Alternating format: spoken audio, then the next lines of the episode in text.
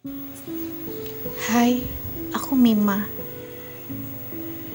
Aku ingin menceritakan sepenggal kisahku.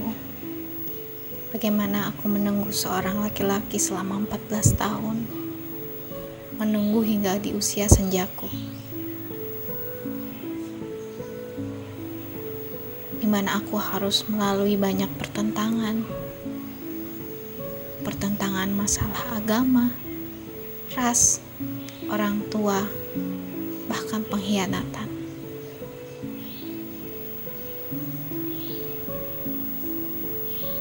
Cerita ini sudah lama aku simpan. Aku simpan cerita ini hingga nanti aku ceritakan ke keturunanku. Tapi apa daya? Ternyata penantianku harus lebih panjang. Aku akan ceritakan awal aku bertemu dengan dia. Dia yang pertama kali membuka hatiku.